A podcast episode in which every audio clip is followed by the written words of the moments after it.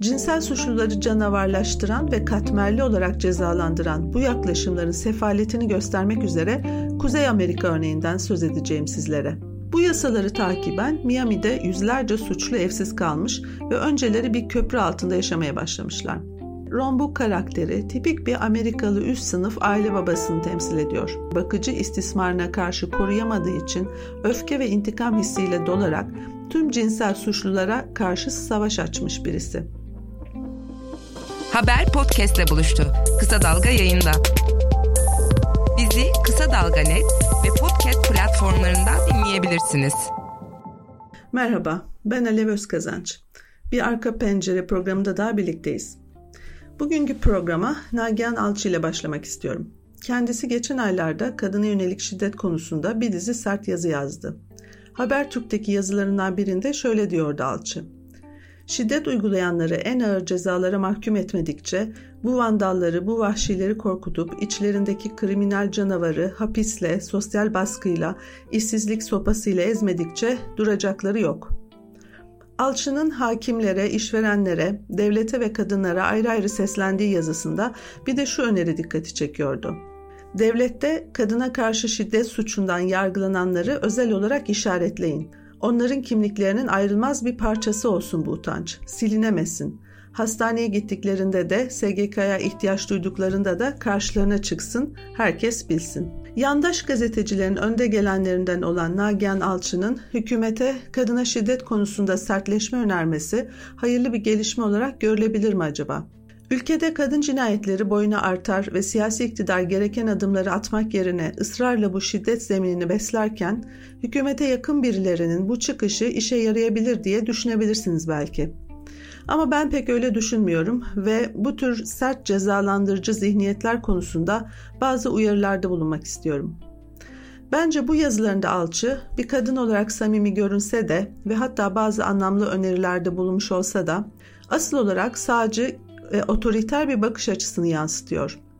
Alçı'nın önerdiği şeyler ile son yıllarda hükümet çevrelerinde ve halk arasında yaygınlaşan idam ve hadım etme gibi öneriler arasında önemli bir ortaklık olduğunu düşünüyorum. Bunların tümünde kadınlara ve çocuklara karşı işlenen şiddet sorununda dikkati vahşi ve kriminal canavar olarak damgalanan suçlulara yönelten bir yaklaşım söz konusu. Ve ayrıca suçluların insan haklarını önemsemeyen aşırı cezalandırıcı yöntemlerin benimsenmesinin bu vahşilere karşı bir çözüm olacağı varsayımı da var. Oysa cinsel suçların sadece ağır cezalar vererek ve hatta suçluların insan haklarını ihlal eden yöntemlerle çözülebileceğini önermek birçok açıdan vahim bir gelişme. Nitekim Türkiye'de feminist çevreler bu tür sahte çözümlere karşı kamuoyunu sürekli uyarıyorlar ve sorunun ancak cinsiyet eşitliği perspektifiyle ve ceza politikalarında içeren ama ona indirgenmeyen bütünsel bir yaklaşımla çözülebileceğini ileri sürüyorlar. Yani mevcut iktidarın tam da kaçındığı, tam tersine altını oyduğu bir yaklaşımla. Ben bu programda cinsel suçlara karşı mücadele ederken sadece çevrelerde öne sürülen suçluya odaklı belirli bir perspektifi teşhir etmek istiyorum. Cinsel suçluları canavarlaştıran ve katmerli olarak cezalandıran bu yaklaşımların sefaletini göstermek üzere Kuzey Amerika örneğinden söz edeceğim sizlere. Özellikle Nagihan Alçı'nın da gündemine girmiş olan bir uygulamanın yani suçluları ölene kadar işaretlemenin ve toplumdan ağır biçimde dışlamanın Amerika'da nasıl işlediğini anlatacağım. Bu tür bir uygulama ilk kez Amerika'da 2006 yılında gündeme getirildi ve ne yazık ki tüm dünyaya kötü örnek oldu. Şimdilerde cinsel suçluları işaretleme uygulaması başka ülkelere de yayılmaya başlamış durumda. Nitekim daha geçenlerde Hindistan benzer bir kayıt sisteminin oluşturulması için çalışma başlattı. Türkiye'de de benim izlediğim kadarıyla ilk kez Nagihan Alçı bunu gündeme getirmiş oldu. Aslında benim bu konuya tekrar dikkatimi çeken sadece Alçı'nın yazısı olmadı. Geçenlerde karşıma çıkan başka bir haber de konuyla doğrudan ilgiliydi. Haber Florida Miami'de evsiz kalan cinsel suçluların içine düştüğü sefil durumu anlatıyordu. Dinleyenler hatırlayacaktır. Geçen podcast, podcast yayınımda yine Florida'da çocuk istismarı suçundan hüküm giyen Jeffrey Epstein olayından söz etmiştim. Çevresine güçlü ve zengin adamları toplamış olan ve onların bazılarına küçük yaştaki kızları servis eden bu adamın Florida'da adli süreçlerde nasıl korunup kollandığını, ayrıca son ana kadar çevresindekilerin ondan uzaklaşmadıklarını, saygın birisi olarak yaşamına devam ettiğini anlatmıştım. Şimdi anlatacaklarım ise yine aynı eyalette bu sefer alt sınıf suçluların nasıl tam tersi bir kadere mahkum edildiğini ortaya koyacak.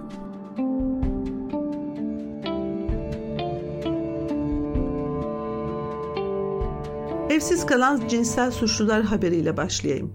2018 yılında Miami'de yerel yöneticiler sağlık ve güvenlik gerekçesiyle bir düzenleme çıkarmışlar. Kararname 4 yıldır Miami'de bir karayolunun yanındaki çadır kampında son derece kötü koşullarda yani tuvalet, duş, pişirme ve ısınma olanakları olmadan yaşayan eski hükümlülerin oradan uzaklaştırılmalarını öngörüyormuş. Okuduğum haberde sayıları yüze varan bu insanların eğer 45 gün içinde kampı boşaltmazlarsa tutuklanacakları yazıyordu. Sorun şu ki bu insanların gidecekleri bir yer yoktu. Florida'nın çocuklara karşı cinsel suç işleyenlerle ilgili yasaları nedeniyle evsiz kalmışlardı ve sığınma evlerine de kabul edilmiyorlardı. Bu insanlar uzun süre hapis yattıktan sonra denetimli serbestlikle dışarı çıkmış ancak bu yasalar nedeniyle sonsuza kadar sürecek ağır bir dışlamaya ve parya konumuna mahkum edilmişlerdi. Denetimlilik koşullarında Miami'de bulunmaları gerekiyor ama yeni düzenlemeler bunu da imkansız kılıyordu. Peki neydi bu yasa ve düzenlemeler? Dediğim gibi bu insanlar normal evsiz insanlardan farklı bir şekilde evsiz kalmışlar. Buna neden olan düzenleme çocuklara karşı cinsel suçtan hüküm giymiş olanların nerelerde yaşayabileceğine dair kısıtlamalar getiren bir yasa. Buna göre bu kişilerin okul, park ve kreş gibi yerlere 2500 fit yani 762 metre mesafede ev bulup oturmaları yasaklanmış oluyor. Aslında bu sadece Miami'ye özgü bir kısıtlama değil. 2005 yılında yaşanan şok edici bir olayın ardından pek çok eyalette bu tür yerleşim kısıtlamaları yürürlüğe konmuş.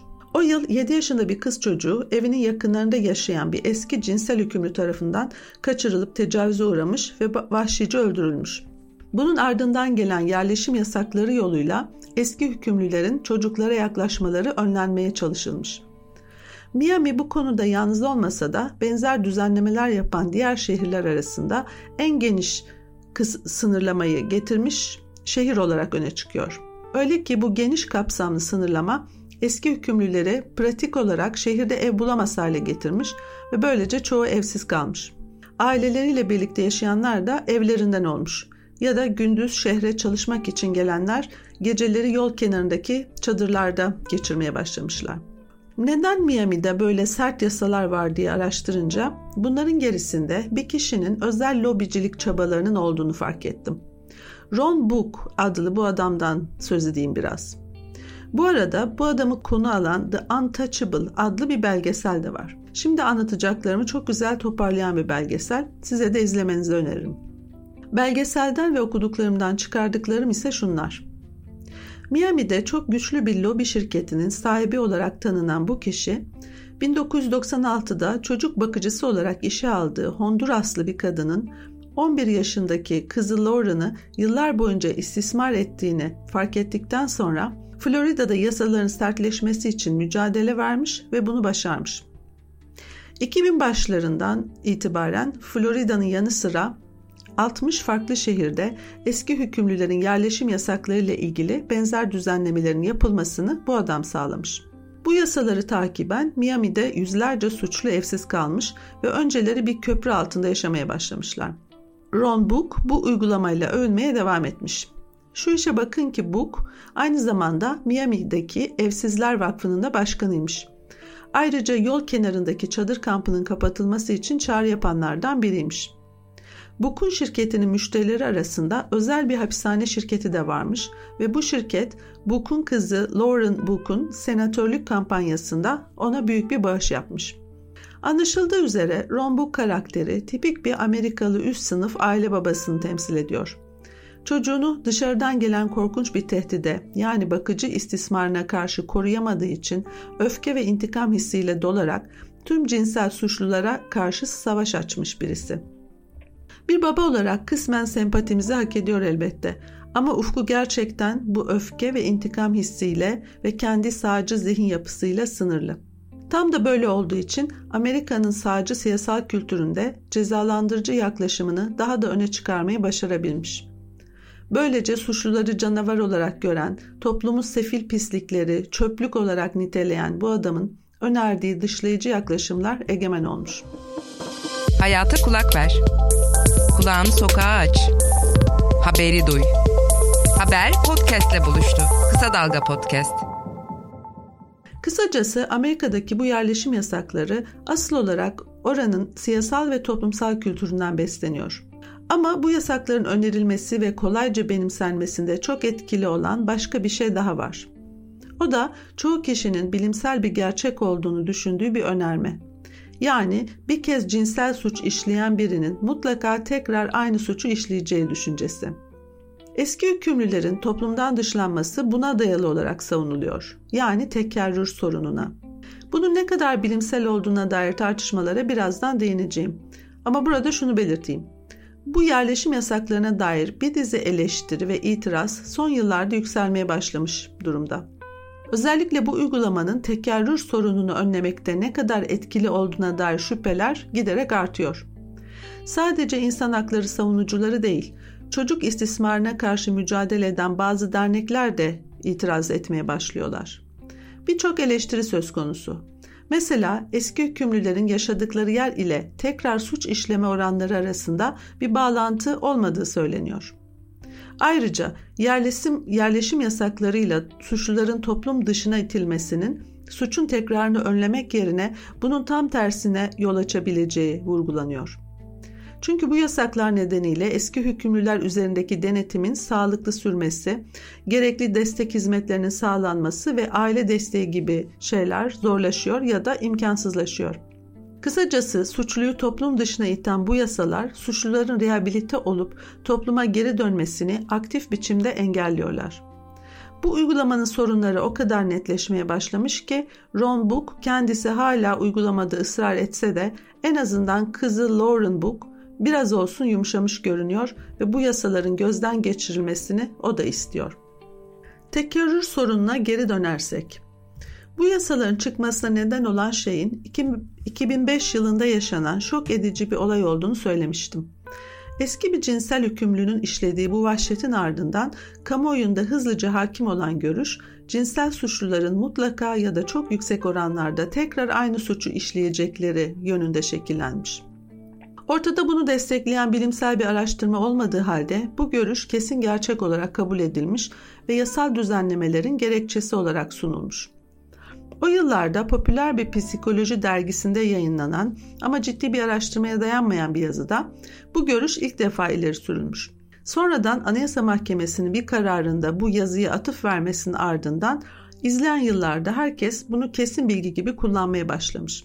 Son yıllarda yapılan pek çok adli araştırma cinsel suçlarda tekerrür oranının çok az olduğunu net bir şekilde ortaya koymasına rağmen bu bilgi sistematik olarak göz ardı ediliyormuş. Çünkü yıllardan beri yerleşmiş bir fikri ve o fikre zemin sağlayan duyguları ve siyaseti değiştirmek zor ve siyasetçiler açısından çok riskli bir şey. Tekerrür korkusu ve varsayımı sadece yerleşim yasaklarına değil, daha temel bir başka yasal düzenlemeye de yol açmış. Zaten yerleşim yasakları da bu yasaya bağlı olarak çıkıyor. Konuşmamın başında söz ettiğim Nagihan Alçı'nın yazısında da önerilen türden bir işaretleme ya da damgalama yasası bu. 2006'da Bush döneminde çıkarılan cinsel suçluların kaydedilmesi yasası. Federal yasa ve 50 eyaletteki yasalar seks suçluların kayıt altına alınmasını ve bu kayıtların dileyen herkesin online erişimine açılmasını öngörüyor. Bu kayıtlarda cinsel suç hükümlülerinin suç geçmişi, ev adresleri ve fotoğrafları da kamuya ifşa edilmiş oluyor. Bu yasalarda cinsel suç kapsamı çok geniş tanımlandığı için ve ayrıca kapsamı da ömür boyu olduğu için şu anda 600 binin üzerinde kayıtlı cinsel suçlu birikmiş durumda. Bunlar arasında ağır şiddet suçları işleyenler olduğu gibi şiddet içermeyen suçlar da var. Gençler arasında rızaya dayalı seks gibi ya da seks işçiliği ve kamusal ya da kamusal alanda işleme suçu gibi suçlar da var. Ergen yıllarında okulda penisini çıkarıp etrafa göstermiş olan da var ya da 30 yıl önce e, suç işlemiş olanlar da var.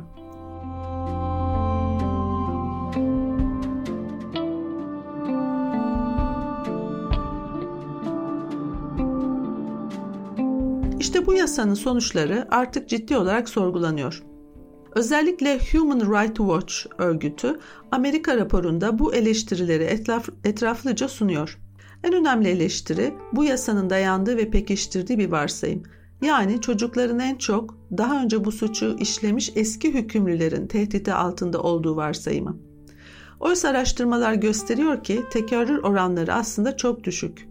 Ayrıca araştırmalar çocukların en yüksek oranda aile ve yakın çevredeki tanıdık biri yani otorite sahibi bir tarafından yani daha önce bu suçtan hüküm giymemiş birisi tarafından istismara uğradığını gösteriyor. Bir diğer eleştiri yasanın farklı türden cinsel suçlar arasında bir ayrım yapmaksızın herkesi çocuklar için eşit tehlike yaratıyormuş gibi kodlaması. Örneğin yasa çocuğa tecavüz eden kişi ile küçük yaşta ama rızaya dayalı cinsel ilişki kuran kişiyi aynı kaba koyuyor.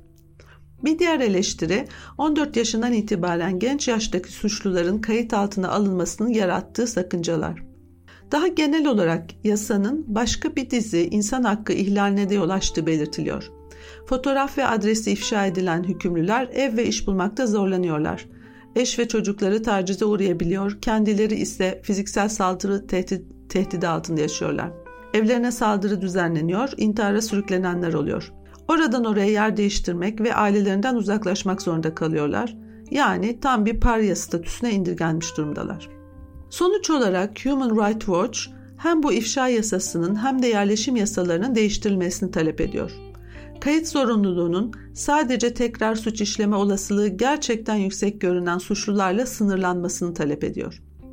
Bu verilerin isteyen herkesin erişimine açık olmamasını ve gerektiğinde yerel bölge halkının adli yetkililer tarafından bilgilendirilmesini öneriyor. Örgütün Amerika sorumlusu çocukları istismardan korumak için daha önce düşünülmüş, daha iyi düşünülmüş ve daha bütünsel yaklaşımlara ihtiyaç olduğunu söylüyor. Ama öyle görünüyor ki cinsel suçlar hakkında mitlere dayalı olarak ve sadece dünya görüşlerine de uyduğu için bu yasaları çıkarmış olan siyasetçiler böyle bir yaklaşımdan çok uzaklar. Peki sonuç olarak bu anlatılanlardan ne sonuç çıkıyor? Buradaki mesele sadece suçluları ne kadar ağır bir suç işlemiş olsalar da insan hakları olduğunu işaret etmek mi? Bu önemli elbette ama bu değil sadece. Aynı zamanda bu gayri insanileştirme politikalarının suçun önlenmesini sağlamak şöyle dursun daha büyük riskler yarattığına da dikkat çekmek önemli. Ama benim burada vurgulamak istediğim şey asıl olarak bunlar değil daha çok ağır dışlama politikalarının gizlediği daha derin sorunlara değinmek ve bunun nasıl bir ikiyüzlülüğe ve çıkmaza işaret ettiğini vurgulamak istiyorum. Sorun şu ki suçluların şeytanileştirilmesi iyi ile kötü arasındaki ayrımı gereğinden fazla pekiştirmeye yarıyor. Elbette burada çocuklara karşı işlenen cinsel suçlar gibi çok hassas bir konudan söz ediyoruz farkındayım. Ama tam da bu nedenle öfke ve intikam hislerinin kontrol altına alınması gerekiyor bence. Ya da öfkenin doğru yerlere ve dengeli yönlendirilmesi gerekiyor. Dikkati asıl olarak vahşi suçlulara yöneltmek hem onları gayri insanileştiriyor hem de bu suçların geri planındaki düzen içi kurum ve süreçleri görünmez kılıyor. Ayrıca bu tür suçların neden ve nasıl geliştiğini ve yaygınlaştığını anlamamız da mümkün olmuyor. Toplumu suçlulardan ya da suçtan korumak gerekir vurgusu arttıkça toplumsal ve siyasal süreçlerin bu suçlu karakterlerin ve suç ortamının ortaya çıkmasındaki sorumlulukları göz ardı edilmiş oluyor. Burada özellikle siyasi iktidarların ve karar alıcıların sorumluluğu ve hatta işbirlikçiliğine dikkat çekmek önemli. Bu cinsel suçların iktidarların kendi otoriter ve muhafazakar emellerine hizmet edecek şekilde nasıl kolayca araçsallaşabildiklerini, nasıl hızla günah keçisine dönüşebildiklerini görmezden gelmemeliyiz. Kısacası ve son olarak bir kez daha söylemem gerekirse bu sağcı ve cezalandırıcı yaklaşımlar sorunu çözmeye yaklaşmadıkları gibi tersine kendi korkuya dayalı otoriter dünya görüşlerini hakim kılmaya çalışıyorlar. Elbette sorun sadece bu sağcı zihniyetlerle de sınırlı değil. Burada tartışılması gereken çok daha zor sorular var. Cinsel suçların mahiyeti ne olduğu ve modern cezalandırmanın sınırları ve açmazları konusunda daha derin ve zor sorular. Ama şimdilik sadece buna değinerek geçelim. Belki başka bir yayında bunları da konu ederiz. Hoşçakalın.